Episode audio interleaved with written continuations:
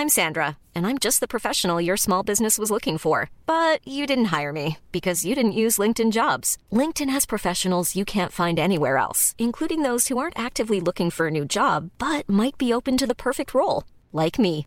In a given month, over 70% of LinkedIn users don't visit other leading job sites. So if you're not looking on LinkedIn, you'll miss out on great candidates like Sandra. Start hiring professionals like a professional. Post your free job on linkedin.com/people today. Hey, it's Danny Pellegrino from Everything Iconic. Ready to upgrade your style game without blowing your budget? Check out Quince. They've got all the good stuff, shirts and polos, activewear and fine leather goods, all at 50 to 80% less than other high-end brands. And the best part? They're all about safe, ethical, and responsible manufacturing. Get that luxury vibe without the luxury price tag. Hit up quince.com slash upgrade for free shipping and 365 day returns on your next order. That's quince.com slash upgrade.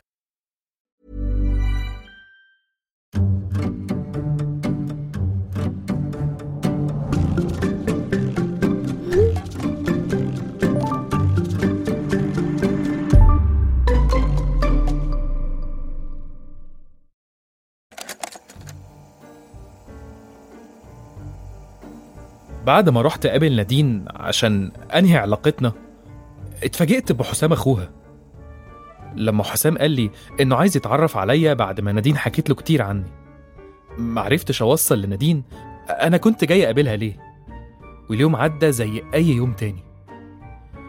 حسام بدأ يكلمني وينزل معايا ويتصاحب عليا من غير ما يسأل عني أنا ونادين أو يحسسني إنه أخو صاحبتي الكبير.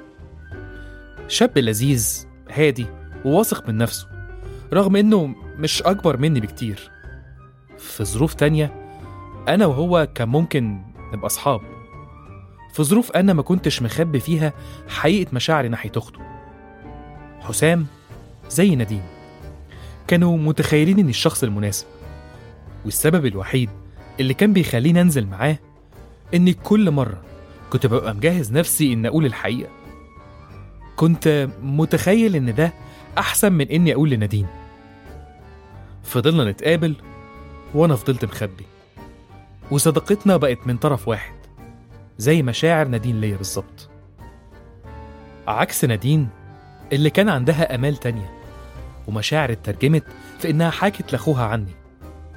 واضح إن علاقة نادين بأهلها كانت أحسن من علاقتي بأهلي اللي معرفتش أقول لهم أي حاجة عن الموقف الصعب اللي حطيت نفسي فيه.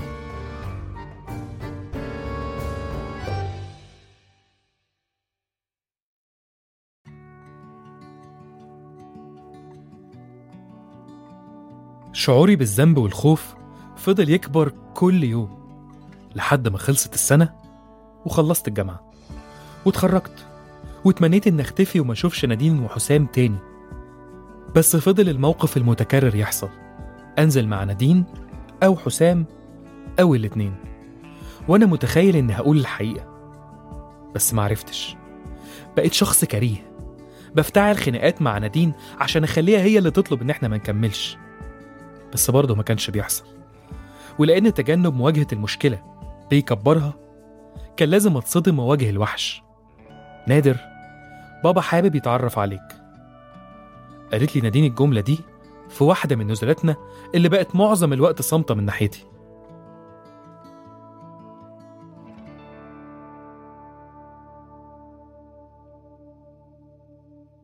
على الناحية التانية ماما ما صدقت إني اتخرجت وكل ما نروح مناسبة للعيلة أو نزور حد أو يزورنا كانت بتعرفني على فلانة بنت طنط علانة. تعالى يا نادر سلم على ريم هبة دنيا ندى ناس يا إما معرفهاش يا إما كل علاقتنا ببعض إننا اتقابلنا في المصيف سنة 2002 مثلا. وفي يوم بعد واحدة من الزيارات انفجرت في ماما وقلت لها ما تعرفنيش على حد تاني أنا لسه مخلص دراسة وعندي جيش. وآه لحظة بابا اتجوز بعد ما ساب ماما وجاب لي أخ. نرجع للخناقة. عندي جيش ولسه هدور على شغل وأنا مش جاهز أدخل في علاقات. ماما طبعا اتقهرت وقالت لي دي جزاتي يا نادر إني عايز أفرح بيك قبل ما أموت. للعلم. ماما ربنا يخليها. صحتها الله أكبر أحسن من صحتي أنا وكل اللي أعرفهم. في المشهد ده عليا أختي كانت قاعدة بتلعب في الموبايل. وأول ما ماما بدأت الدراما المعتادة عليا قطعتها بمنتهى البرود وقالت ما تزنيش كتير تلاقيه مصاحب. كات. زغروطة.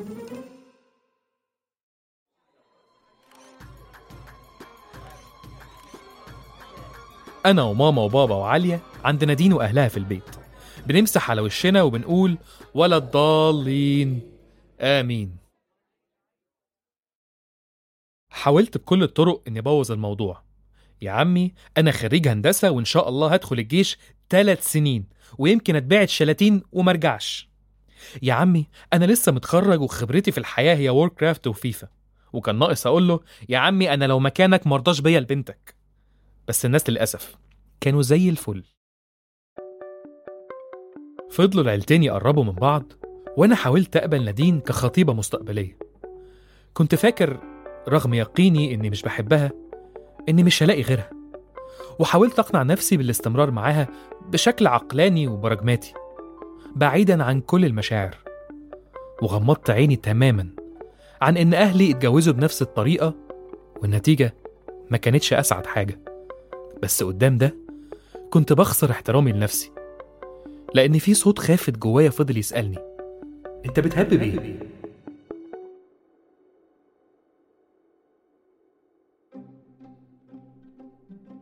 عدى الشهرين اللي بعد الدراسة على خير كده وكده لحد ما جه ميعاد دخول الجيش مرحلة جديدة مخيفة لأنها مجهولة كانت بتبين لي الحجم الحقيقي لارتباطي بنادين ومدى استعدادي للاستمرار في محاولة الكذب على نفسي اللي تحول لشيء مرهق. ما قدرتش أكمل فيه أكتر من كده. استغليت إني أختفي لمدة 45 يوم متواصلين عن العالم اللي أعرفه. كلمت نادين قبل ما أروح لمكان خدمتي بيوم. ألو؟ وكالعادة كنت مجهز كلام أقوله. وكالعادة ما قلتوش.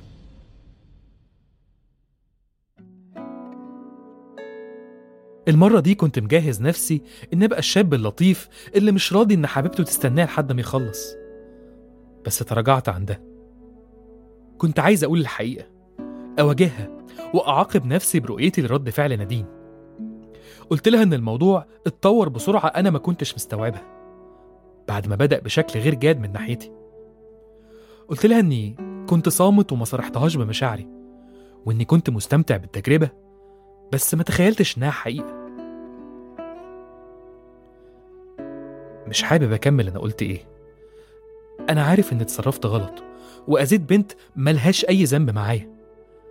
لمجرد إني كنت كنت عايز أحس إني مرغوب فيا. ودي كانت آخر مرة أشوف فيها نادين.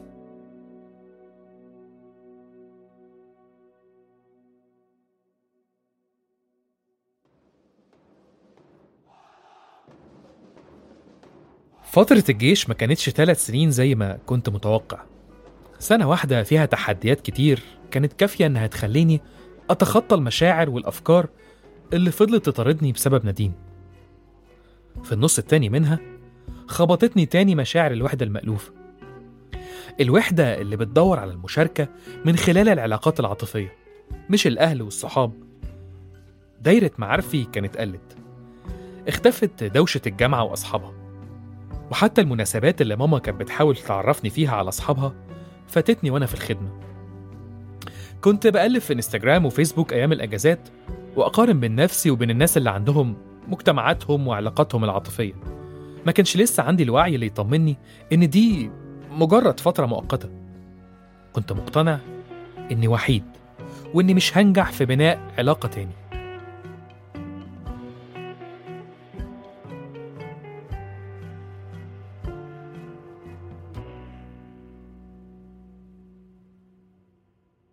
خوفي من الوحدة مع علمي إني شخص مش جاهز ولا يستحق لإنه يكون في علاقة جادة بعد اللي حصل مع نادين اللي اختفت حتى من صفحات التواصل عندي. دخلني في دايرة بحث عن شراكة بمدة صلاحية محددة تاني. الفرق إن المرة دي كنت واعي كويس لنوع العلاقة اللي كنت بدور عليها. بس أنا ما أعرفش حد ما بخرجش. عادل كمان دخل الجيش. وأجازاتنا عمرها ما جت في نفس الوقت. تحولت لشخص فاقد للاهتمام بكل شيء. كل حاجة في الدنيا فايتاه. كل أجازة أرجع ألاقي ترند جديد وقصة جديدة. والناس بتحكي فيها وأنا معرفش عنها أي حاجة. المسافة دي خلتني خجول حتى في إني أكتب تعليق أو أعمل لايك على الفيسبوك أو انستجرام لسبب ما حسيت إني عايز أبدأ أبني علاقاتي من جديد لأني تخيلت إن كل اللي عارفني نسيوني وما حبيتش أزعجهم بإني أفكرهم بنفسي تاني. بطلت أفتح مواقع التواصل الاجتماعي عشان ما بقاش ليا فيها مكان ولجأت المكان تاني. مليان ناس محدش فيهم يعرف حد وكلها بتدور على نفس اللي بدور عليه. لجأت للديتنج أبس.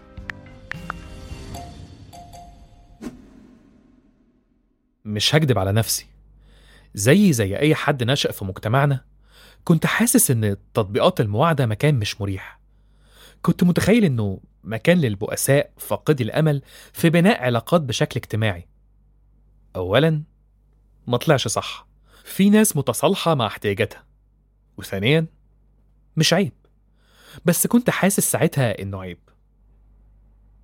معرفش أنا لجأت للتطبيقات دي لأني كنت بائس وفقد الأمل ولا عشان كنت لسه بعاقب نفسي على تجربة نادين وأقنعت نفسي إني لا أصلح للعلاقات اللي في النور. عملت حساب على التطبيق. حطيت صورة واحدة ليا. عكس الناس اللي بتحاول تبين إنها عايشة حياة مسلية متنوعة وكتبت تعريف بسيط وصريح في نفس الوقت. مهندس يبحث عن شخص يستمع لمعلوماته العامة الخارجة دوما عن السياق. وفعلا ما كنتش محتاج أكتر من كده. حد يسمعني؟ مع إني ما كانش عندي كتير أقوله. على التطبيق اكتشفت عالم جديد.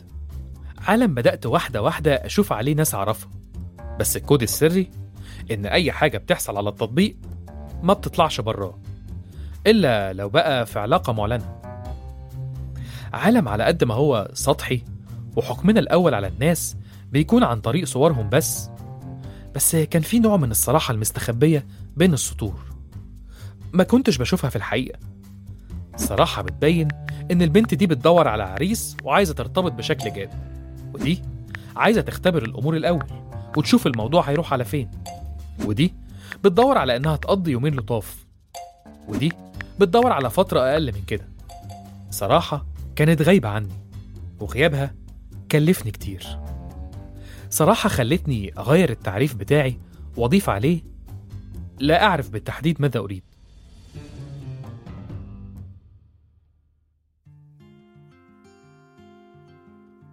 كنت حابب أبعد عن تكرار تجاربي السابقة على قد ما أقدر. لو حسيت إن في واحدة ممكن بتشارك داليا أو نادين نفس الاهتمامات ما كنتش بسحب لليمين. حتى لو ممكن تكون مثيرة لاهتمام أنا. ما كنتش بهتم بالباحثات عن علاقة جادة ولا كنت حابب أدخل في علاقة مدتها يومين أو خروجة أو كام ساعة. كنت بدور على حاجة بين الاتنين علاقة فيها تواصل عاطفي من غير اعتمادية ومساحة آمنة من غير مسؤوليات. حسيت إني هلاقي ده في حسابات الأجنبيات أكتر. كل واحدة فيهم كانت بتقول بكل صراحة إنها في زيارة كام شهر وبتدور على صحبة لطيفة.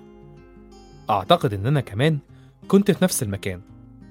بدور على صحبة لطيفة لمدة كام شهر. بدور على ديدلاين تنتهي فيه العلاقة.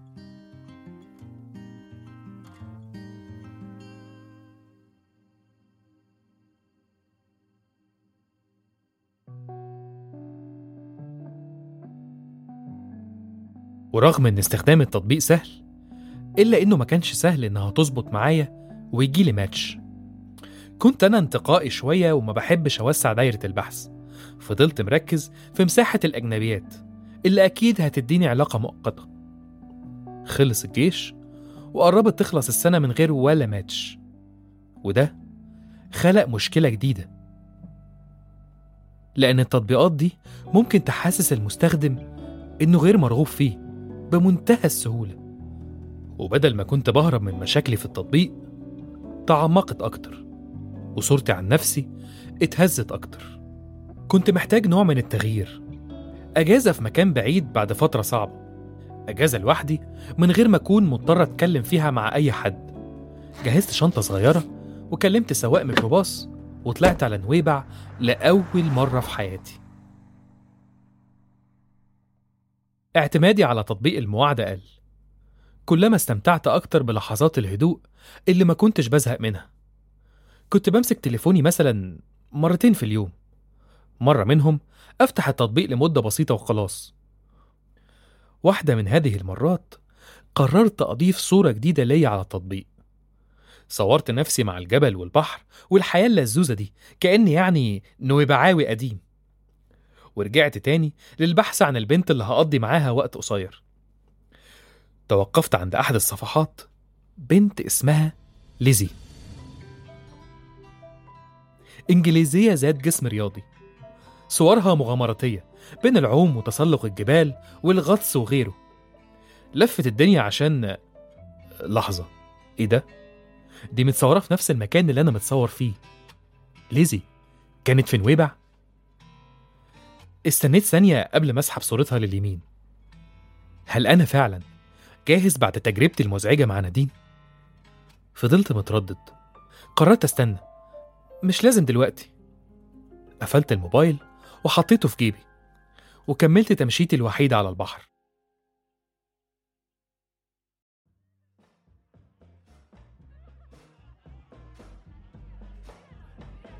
اليوم الوحيد اللي قررت إني أقرب فيه من الناس هو ليلة رأس السنة.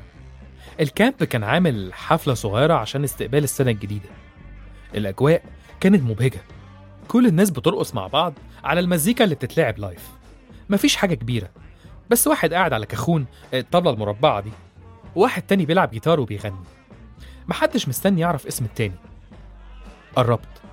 لكن حافظت على مسافة تخليني أتفرج وأسقف وأبتسم وأهز رجلي بالراحة.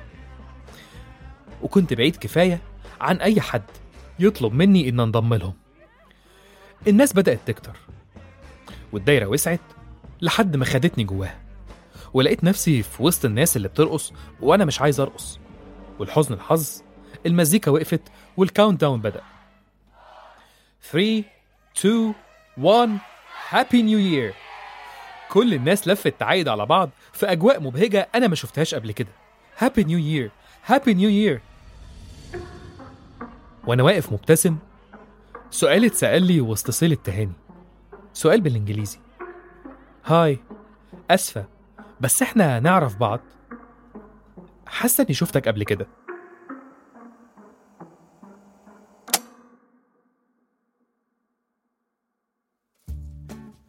الحلقة دي من كتابة ووحي خيال أحمد فرغلي إشراف تحريري نادين شاكر. دعم تحريري هبة عفيفي رند خضير وشهد بني عودة. التمثيل الصوتي مينا ناجي. إشراف صوتي محمد خريزات. تصميم صوتي أحمد متري. فريق التسويق بيلا إبراهيم وسمية أبو عبد الله. شكر خاص لاستوديو Blue Mango. لو عجبتكم الحلقة يا ريت تشاركوها مع أصحابكم خاصة اللي لسه ما اكتشفوش عالم البودكاست أو لسه متخبطين في الحب. كمان اعملوا اشتراك في قناة البرنامج على أي منصة بودكاست لتصلكم الحلقات الجديدة كل أسبوع. واعملوا تقييم للحلقة ده هيساعدنا كتير إن ناس أكتر تلاقينا. بودكاست إسحب لليسار من إنتاج شبكة Kerning Cultures